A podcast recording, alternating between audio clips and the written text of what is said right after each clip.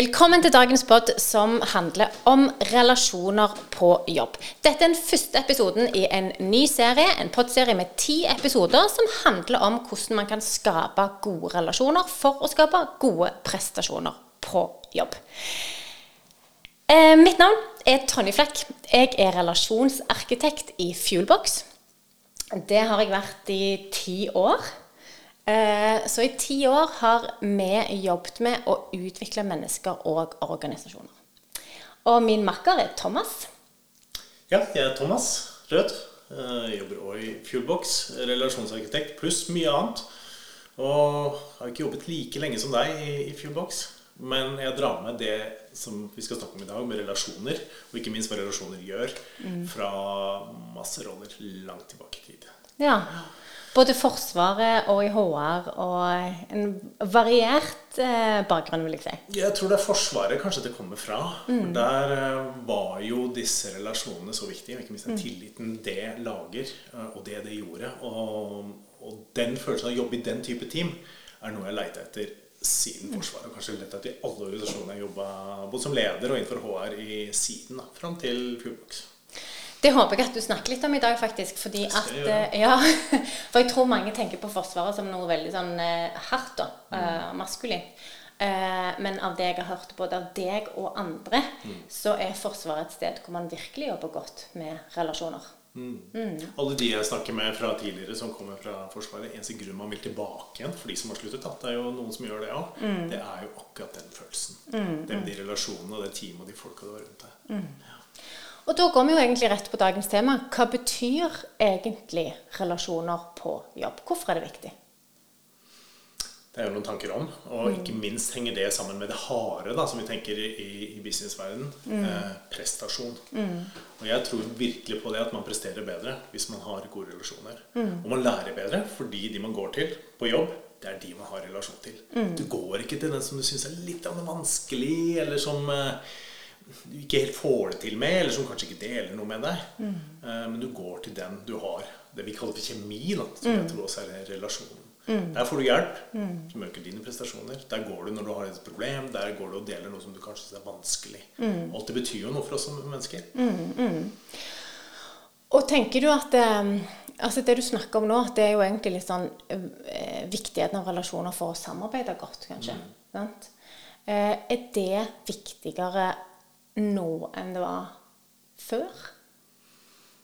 Det er et godt og vanskelig spørsmål. Jeg kan jo bare dele fra mitt perspektiv. Men jeg tror, på min del, da mm. Jeg tror nok litt sånn erfaring i arbeidslivet og det å har opplevd mange forskjellige arbeidsplasser, gjør at man har større forståelse for at det er viktig. At det faktisk har en direkte impact på, på bunnlinje. Mm. Uh, enn man gjorde før. Mm. Du kommer ut fra skole, så tenker man inn Jeg skal gjøre jobben min. Jeg skal gjøre den sånn. Jeg skal levere det. Jeg skal ha respekt for hierarkiet. For man lærer at alle organisasjoner har en organisasjonsstruktur. Mm. Den skal vi følge, osv. osv. Og, og noen organisasjoner følger jo det ganske rigid mm. det, i forhold til det å få plass ved bordet.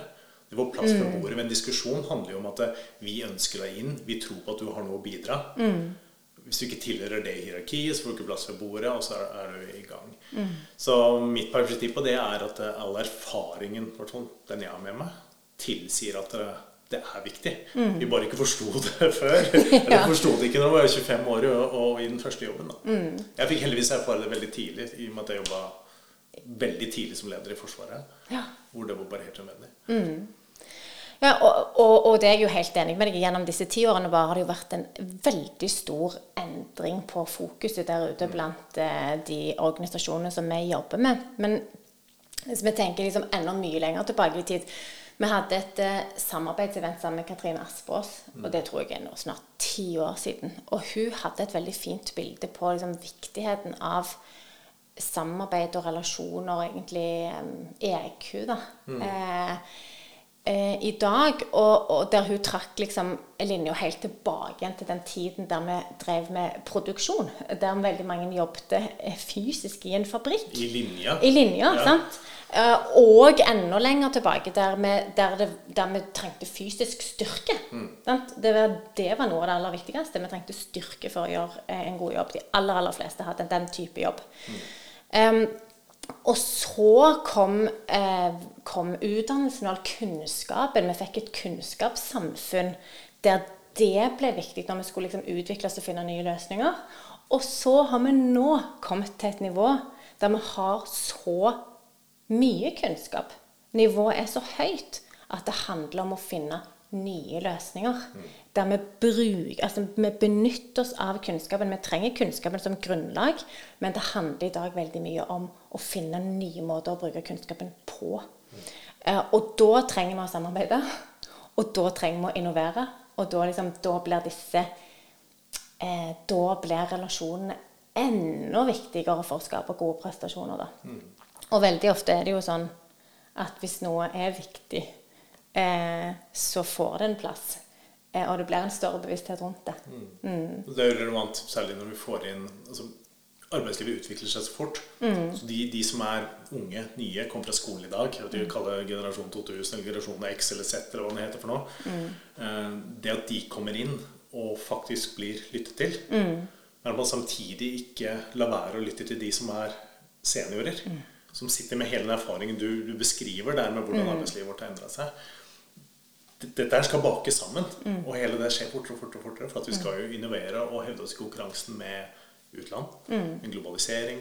eh, og i en digitaliseringsalder hvor alt bare går fort. Kjenner vi på hverdagen. Ja, vi trodde vi hadde en god idé, og så lagde Ja. vi noe, og så var det utdatert før du fikk snudd deg. ja. Da, da må du ha hodet på som er på ballen, eh, som tør å dele. Nettopp for det, det er arbeidslivet er jo i stor endring, eh, så det å kreve jo mer og noe annet av oss. Eh, definitivt. Og det du, det jeg begynte å tenke på når du snakket nå, det du beskriver, er jo mangfold. Eh, og for at man skal klare å dra nytte av mangfoldet, så må vi ha folk som tør å dele sitt perspektiv. Ikke sant? Eh, og for at vi skal tørre å dele våre perspektiv, for at vi skal på en måte tørre å samarbeide godt, eh, så er jo relasjonene oss imellom veldig viktige. Eh, og eh, når det gjelder ledelse, da, så tenker jeg jo at det grunnleggende Hvis du bare ser på definisjonen av ledelse, så er det å nå mål gjennom andre. Og hvis du skal nå mål gjennom andre, så sier det seg sjøl at menneskene blir eh, Altså, det er menneskene som skal nå målene, så din relasjon til de menneskene blir jo helt avgjørende. Og hvis du skal nå mål gjennom andre, hvordan skal, du som leder komme gjennom en dag som bare har åtte timer, hvor du kanskje har dine egne oppgaver, og masse folk som skal levere på vegne av deg og, og bedriften? Hvordan gjør du det? Ja, nei, for det er jo et veldig godt spørsmål. Jeg vet jo eh, Når vi snakker med bedrifter, så opplever jo vi veldig ofte at ledere og organisasjoner er bevisst viktigheten av å lede folk, rett og slett. At det er et eget fag, og det må man på en måte eh, behandle som noe som et, e- som et eget område. Men så er de så operasjonelle at eh, det mangler tid. Og det mangler òg ofte en forståelse av hvordan vi skal få det til. Ja, vi vet det er viktig, men hvordan? Og dette lærer du ofte på kurs. Dette er viktig. Hvorfor er det viktig? Alt det Jeg tror hvis du spør enhver leder, så vet de alt det. Jeg hadde en eh, det eksempelet jeg har brukt mange ganger. Jeg jobba sammen med en eh, amerikansk boremann. Han har jobba offshore. Han har stått på derricken og kjørt uh, borestreng ned i brønner i hele sitt liv.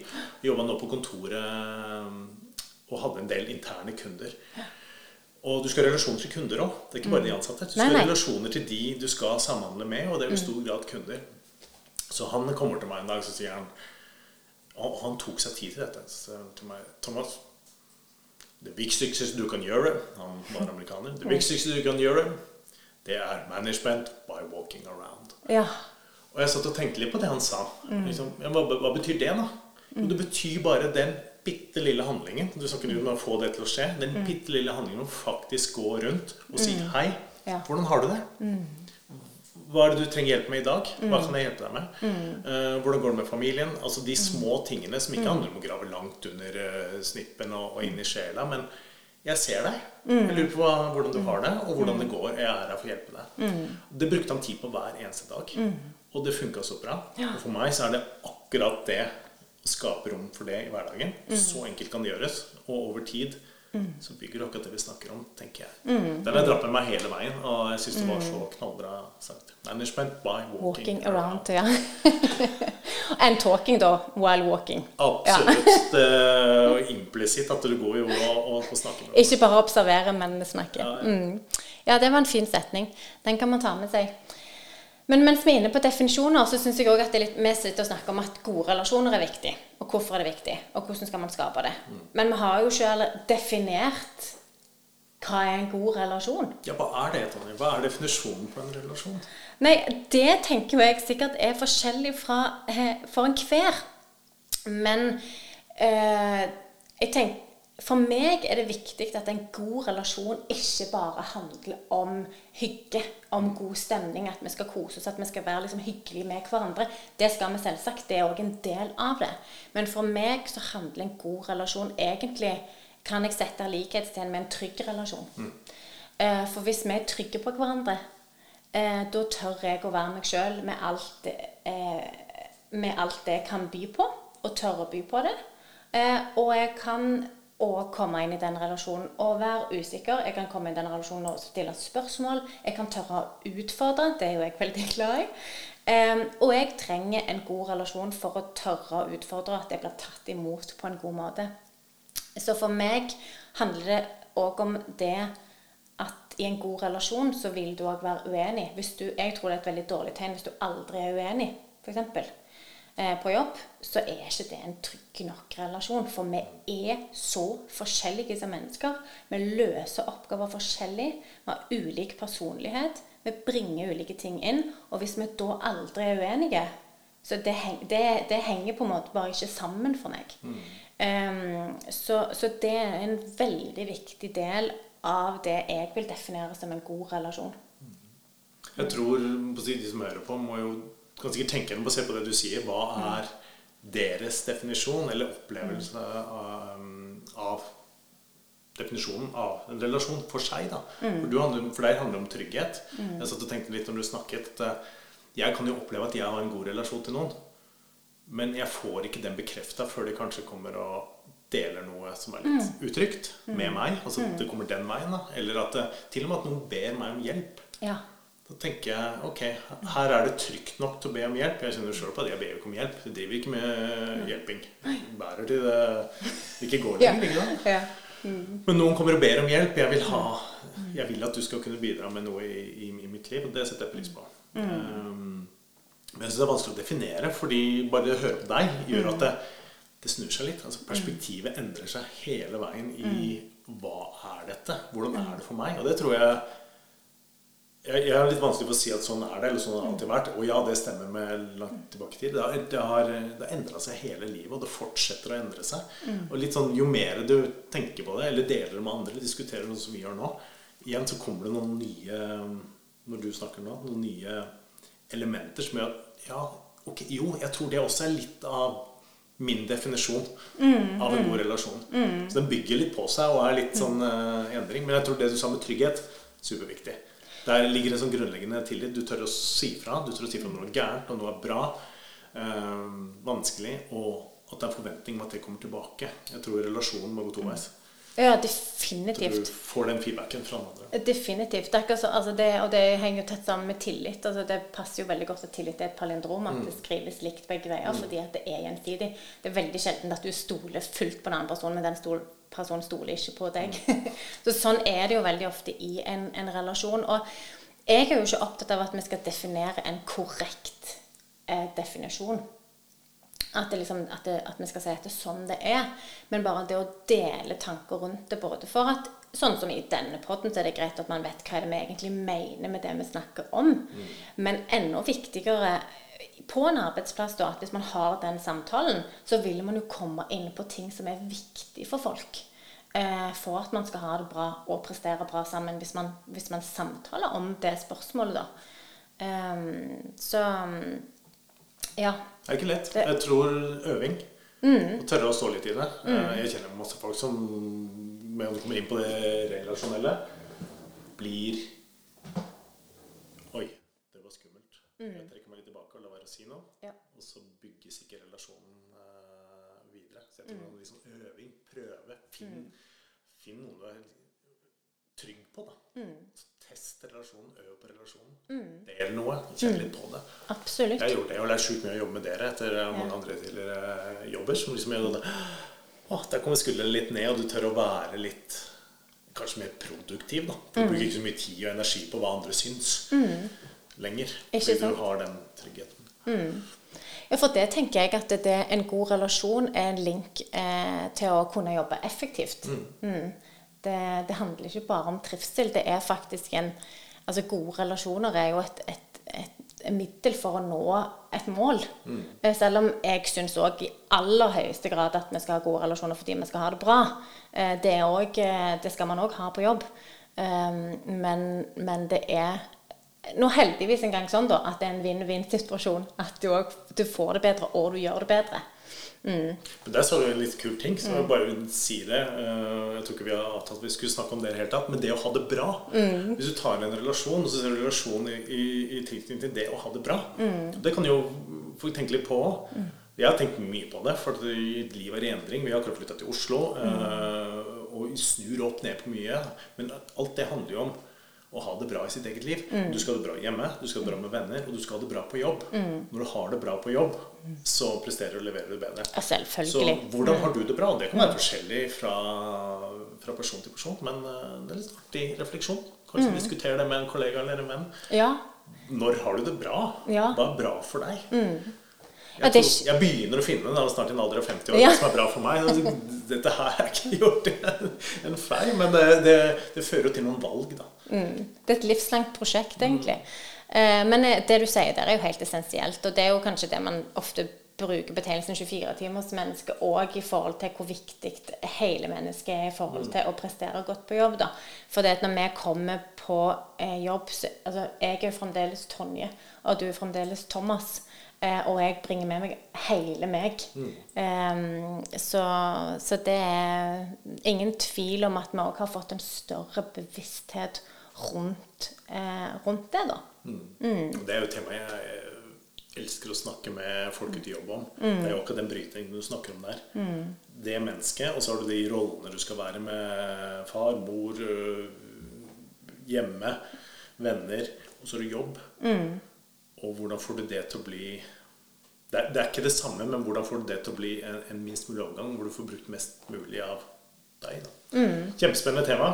Kanskje rom for en helt annen gang, men det er veldig gøy å diskutere det med enkelte som sitter i skjæringspunktet mellom hvem er jeg, og hva skal jeg være hvor. Svært tema. Ja, veldig stort tema, men men jeg, jeg syns det er veldig relevant i forhold til dette, fordi at eh, du um, tror mange, i hvert fall historisk, har tenkt at de på en måte går inn i en rolle og blir nødt til å te seg som en rolle, og på den måten distansere seg litt. Eh, kanskje noen ganger til og med for seg sjøl, men i hvert fall distansere seg eh, for de andre. Eh, og og um, vi vet jo det at du sa det der med å be om hjelp.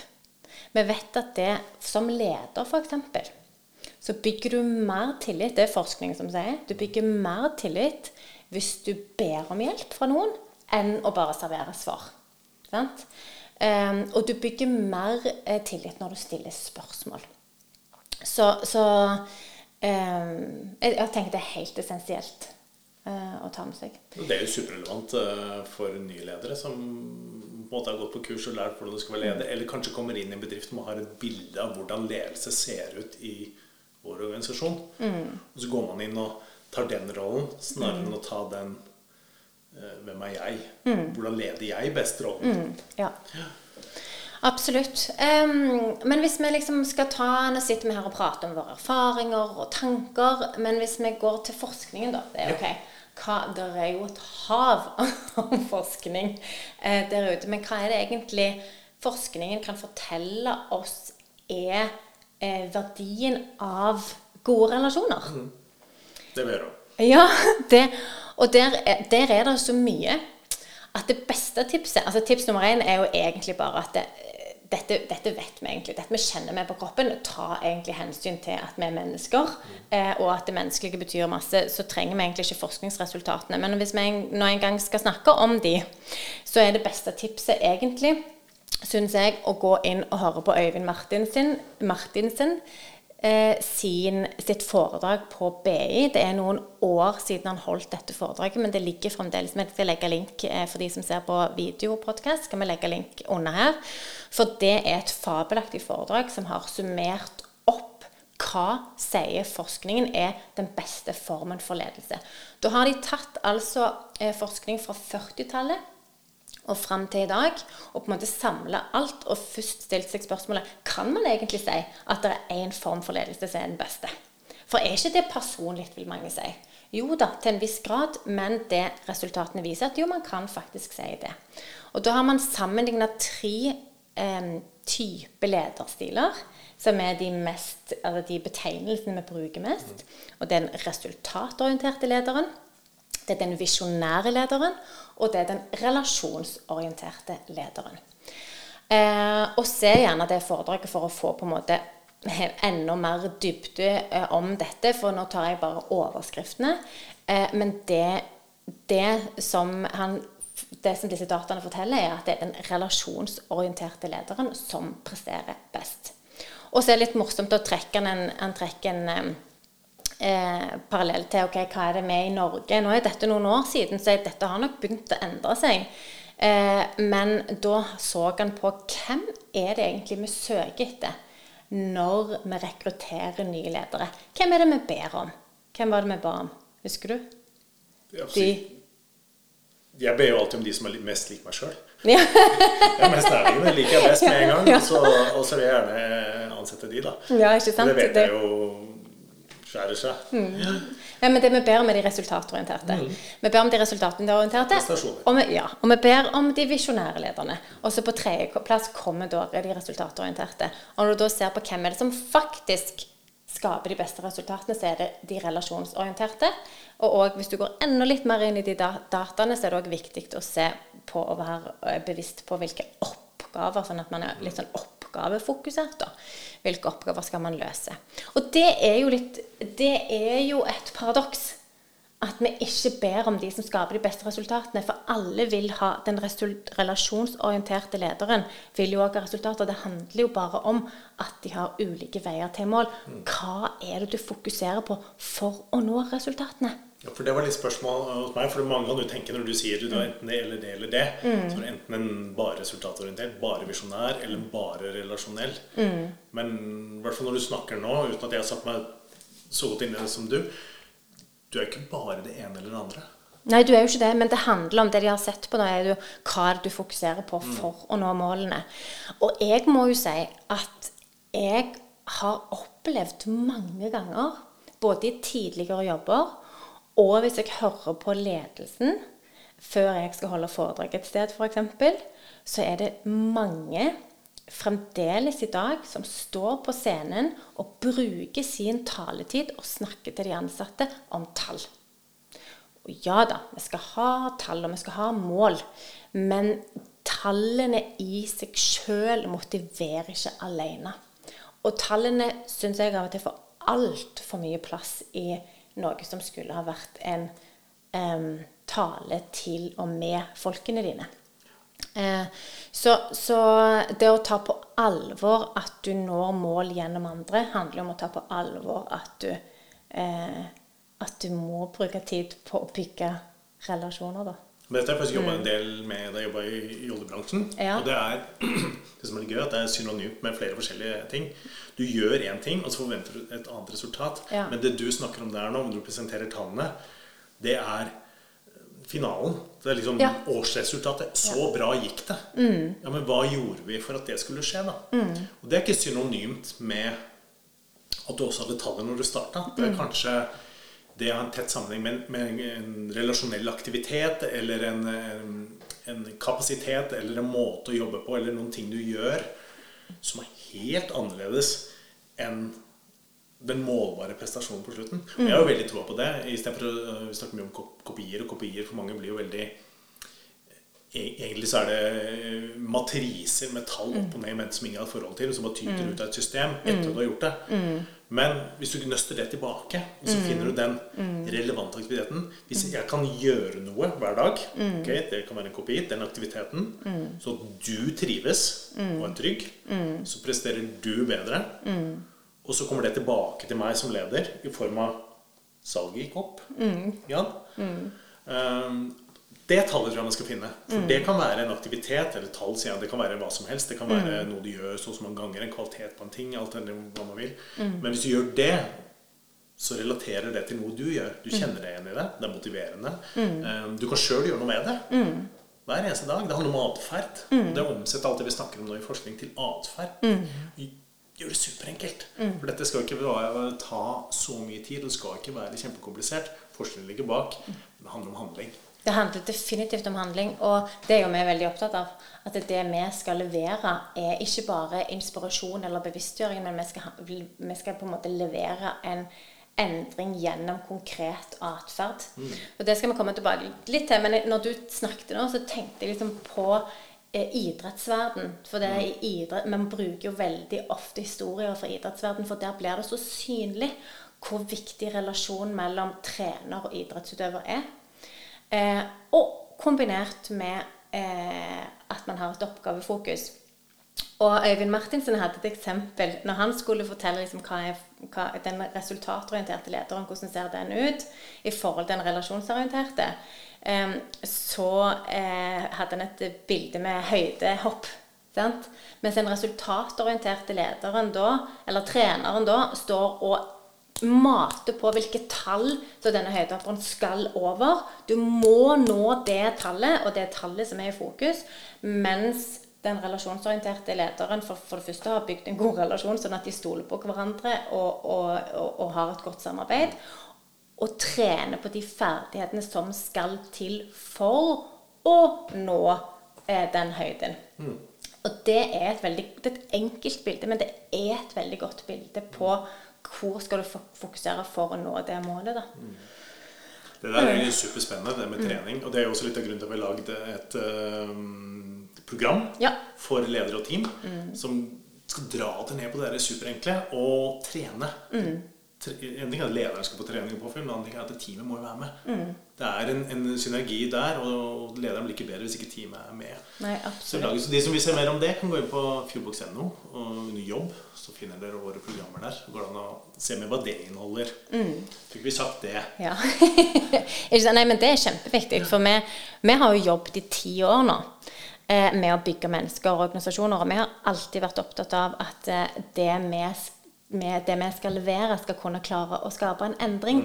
Eh, og da holder det Reise, som du så fint kalte det når vi Ja, lagde dette. ikke sant? Ja, få folk til å gå gjennom en reise eh, som faktisk skaper en transformasjon.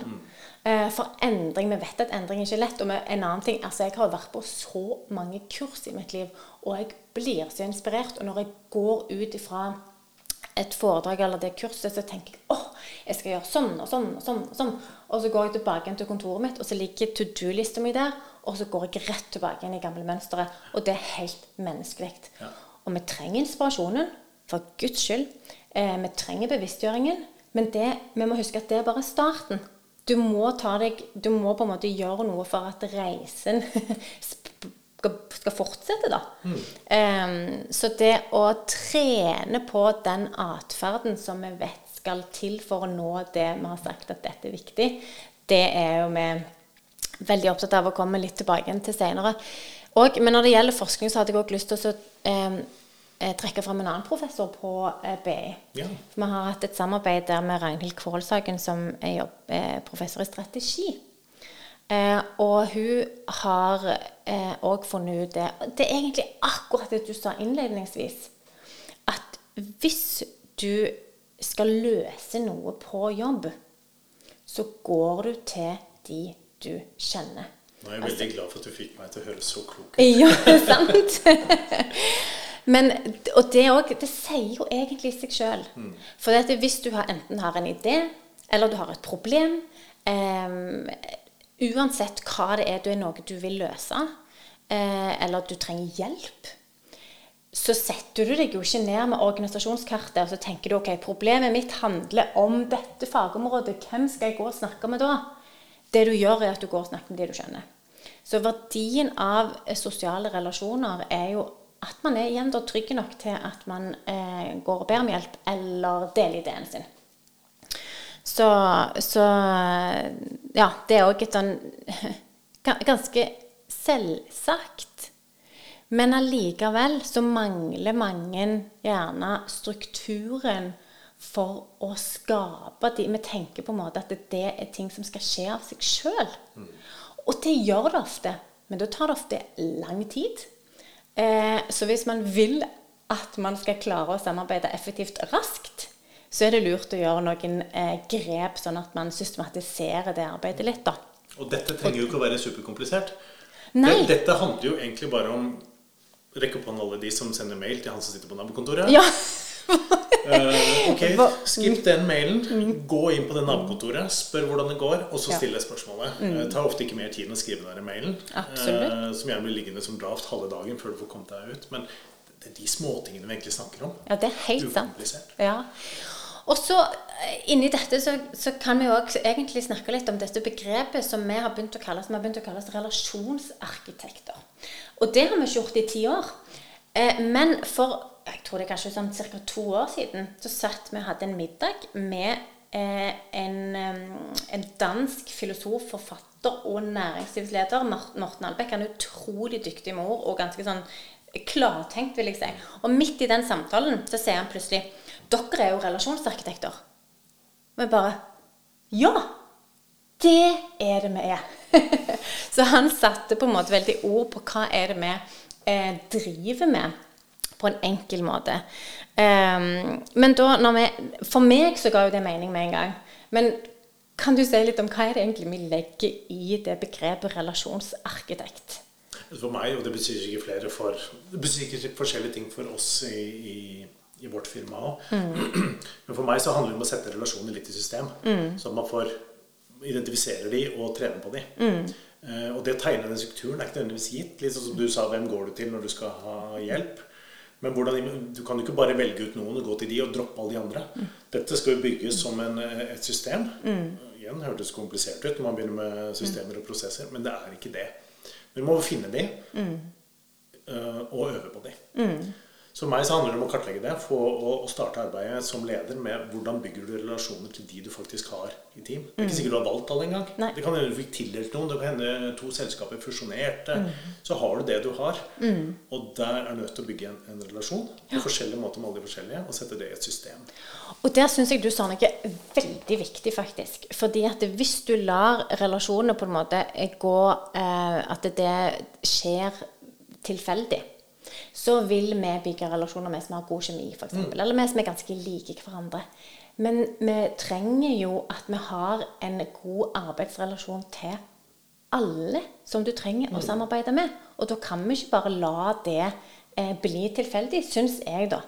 Og det betyr ikke at man skal være bestevenner med alle på jobben. Men det betyr at vi skal kjenne hverandre godt nok, være trygge nok på hverandre til at når vi trenger å samarbeide, og når det er klokt å dele med hverandre, så gjør vi det. Mm. Der er jeg har hatt mer enn én forløsende samtale med folk som kjenner at okay, det er ikke vi som skal på hyttetur sammen, mm. eller gå ut og drikke øl på lørdag. Men når jeg fikk tatt en annen vei inn og planlagt det, og faktisk satt litt struktur på og tenkte gjennom okay, dette, denne personen må jeg med meg. Mm. Det er en som sitter på ekstremt god kompetanse mm. og er en god nytte. Hva skal til for å løse opp i den, både til meg som leder, men også på tvers. Mm. Altså kollega-kollega. Mm. Dette er jo ikke bare en struktur som går opp til lederen. Dette går jo i aller høyeste grad på tvers ja, absolutt. I, eh, i teamet. Absolutt. Og det, det, det, som du sier, man velger jo ikke kollegene sine. Eh, jeg hadde en veldig morsom opplevelse en gang i Dubai. Der vi eh, hadde et litt større prosjekt egentlig med regjeringen der. Og så hadde vi Vi kaller det jo talkshops når man skal sitte sammen og prate sammen ved hjelp av fugleboksspørsmål.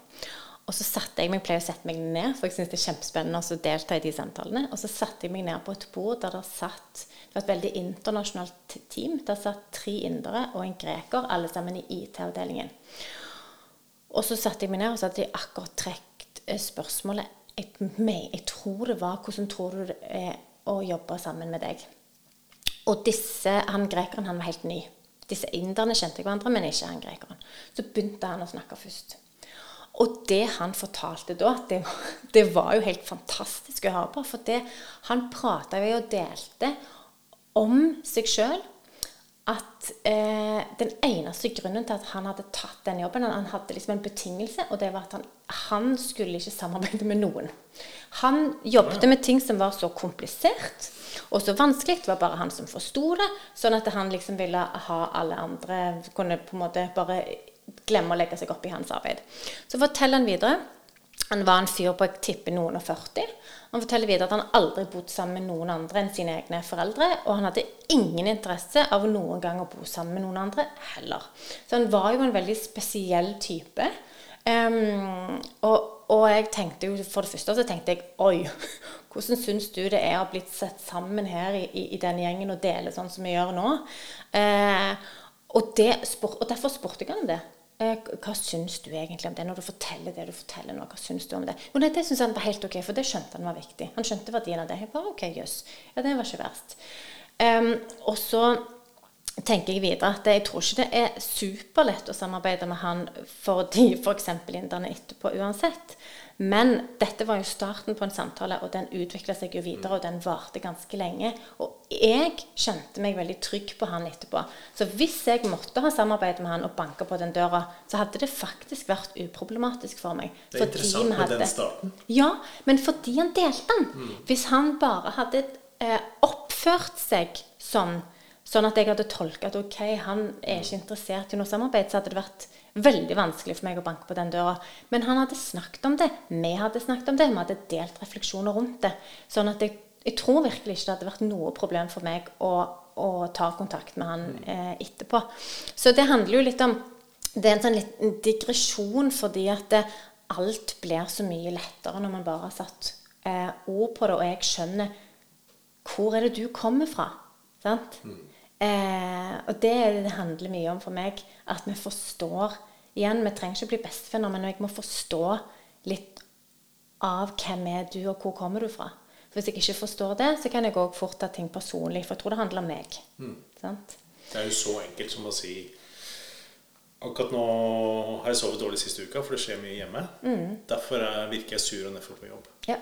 Mm, ok, Fint. fint. Men da vet jeg det. Takk skal du ha. Så kan vi gå videre. Så enkelt kan det være. Så enkelt Jeg er kan ikke det sur, være. altså. Nei. Men eh, hvis man skal eh, trekke det litt ned da, Thomas, nå skal vi snart avslutte. Eh, og vi snakker om relasjoner på jobb. Har du noen sånn du tenker sånn konkret dette bør eh, man tilrettelegge for at man gjør for å bygge disse da, relasjonene eh, bevisst, da, istedenfor tilfeldig? Altså jeg tenker litt på Egentlig, bare, bare si det først, fordi at det, øh, når jeg tenker på relasjonsarkitektur, så tenker jeg egentlig den enkle måten å forklare det på, det er rutiner for relasjoner. Godt sagt. Ut fra alt det jeg sa i sted. Ja. Ja. Nei, men jeg tror det er så enkelt. Altså, um, du spurte hva kan man gjøre på jobb. Uh, finn de arenaene. Altså, det kan være så enkelt. Neste gang jeg møter noen i gangen, skal jeg si hei. Hva har du gjort i helgen? Du er i gang. Neste gang jeg skal sende en e-post, dropp e-posten, gå til det kontoret. Um, spør Still spørsmålet ditt. Bare det å vise ansiktet og stå der hvis de har gått bort til deg for å stille det spørsmålet, betyr noe mer enn den e-posten. På e-post Ja. kan du sende til alle. Og det er så mye tolkning i en e-post uh, Ja, ja. som kan gå alle veier. Men med kroppsspråk, ansikt, uh, stemme, volum, alt det her, så signaliserer du så sykt mye mer. Mm. Eh, Og det er kanskje to små ting. Og så har du en management by walking around. Som bare gå rundt og si 'Jeg hadde ikke noe agenda, jeg ville bare høre hvordan du hadde det'. Mm. Det krever så lite. Ja. Og jeg tror selv om de aller fleste ledere som jeg snakker med, når du spør liksom hva, hva er vanskeligst Jo, jeg vet jeg skal snakke med folk, jeg bare vet ikke helt hvordan. Mm. Finn de små øyeblikkene. Eh, Vi har jo noen enkle verktøy for å Mm. preppe litt. Grann. Finn på et spørsmål da, som du vet alle kan svare på. Mm. Og så gå og still det. Bare at du har gjort det, og still et spørsmål hvor du er interessert i den andre persons mening. Mm. Sant? Det er bare si, unnabakke, men ting går jo oppover, da. Mm, ja. Eh, Etter det. Ja. Jo, men da blir alt så lettere. Litt sånn som med han du øh, resonnerte til. Du stilte spørsmål, Mm. og etter det så løp alt så mye enklere. Selv om det i utgangspunktet der kunne det vært en vegg. Mm, ikke sant? Så det er de småtingene jeg tenker på. Og da kan vi, det er egentlig en fin eh, hva heter det, innledning til at vi har tenkt å gi de som hører på oss, tre gode spørsmål. Det gjør vi hver gang. Gir tre gode spørsmål som dere kan ta med dere for å skape gode samtaler med folk rundt dere. Så du har vært i Fuelbox-appen og funnet tre spørsmål. Så da skal vi kjøre en liten jingle, og så take it away. Vær så god, Thomas. Good. Jeg tar på øynene, ellers så ser jeg jo ikke appen. Jeg har ennå ikke krøpet til korset og, og økt fondsstørrelsen på telefonen min. Men det første spørsmålet er Hva bør vi tenke på når vi kommuniserer med deg?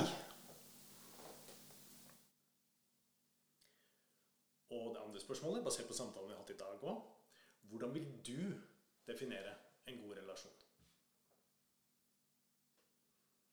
Og det siste, og da er vi kanskje inne på et eh, tema vi kommer til å ta opp i en, en senere pod. Hvordan vil du beskrive kulturen i teamet vårt? Det var de tre. Ja, og det jeg tenker, de tre spørsmålene kan, Det viktigste med de spørsmålene er jo ikke at man skal finne liksom et sånn et eh, veldig korrekt og klokt svar, men det viktigste med de spørsmålene er jo at man setter i gang en samtale som gjør at man svarer ut ifra hva som er viktig for, for meg.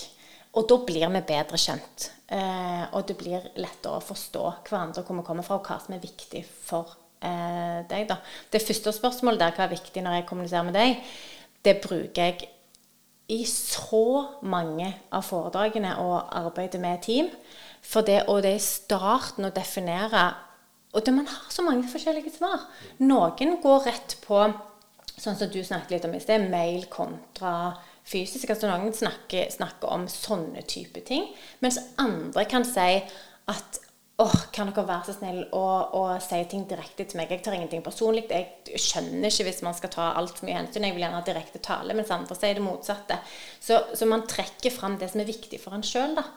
Eh, så det er et spørsmål jeg eh, har mye glede av um, i arbeid med team. Det kan være så mye forskjellig for den enkelte. Som du Ja. sier, helt uh, spesielt for den enkelte. Det som var lurt, var å kanskje ta spørsmål et par ganger. For igjen så har relasjonen en sammenheng. Du svarer det du tror er viktig på det første gang du får det spørsmålet. Ja. Nei, bare kjør rake pucker, du. Det går fint. Ja, ja, på. Ikke sant? Så, mm, det, det, det var ikke så bra, men jeg, jeg tror det er riktig å si, fordi her har vi sånn kultur. Da begynner det å henge sammen med siste spørsmål som handler om kulturen. Eh, andre gangen du tar det opp, så kanskje Nei, jeg er ikke så veldig glad i rakepucker. Jeg liker Mm. at du spør litt, litt om hvordan jeg har hatt det. Mm. Så, for da bygger vi litt relasjon. Og så kan vi ta den litt vanskelige, tunge, faglige delen. Mm. Ja. Så, men snakk om det. Still om spørsmål begynn det løpet med folk. Det er så fint å komme på den reisen med kollegaer. Ikke sant. Og med det så sier vi takk for i dag. Takk for nå.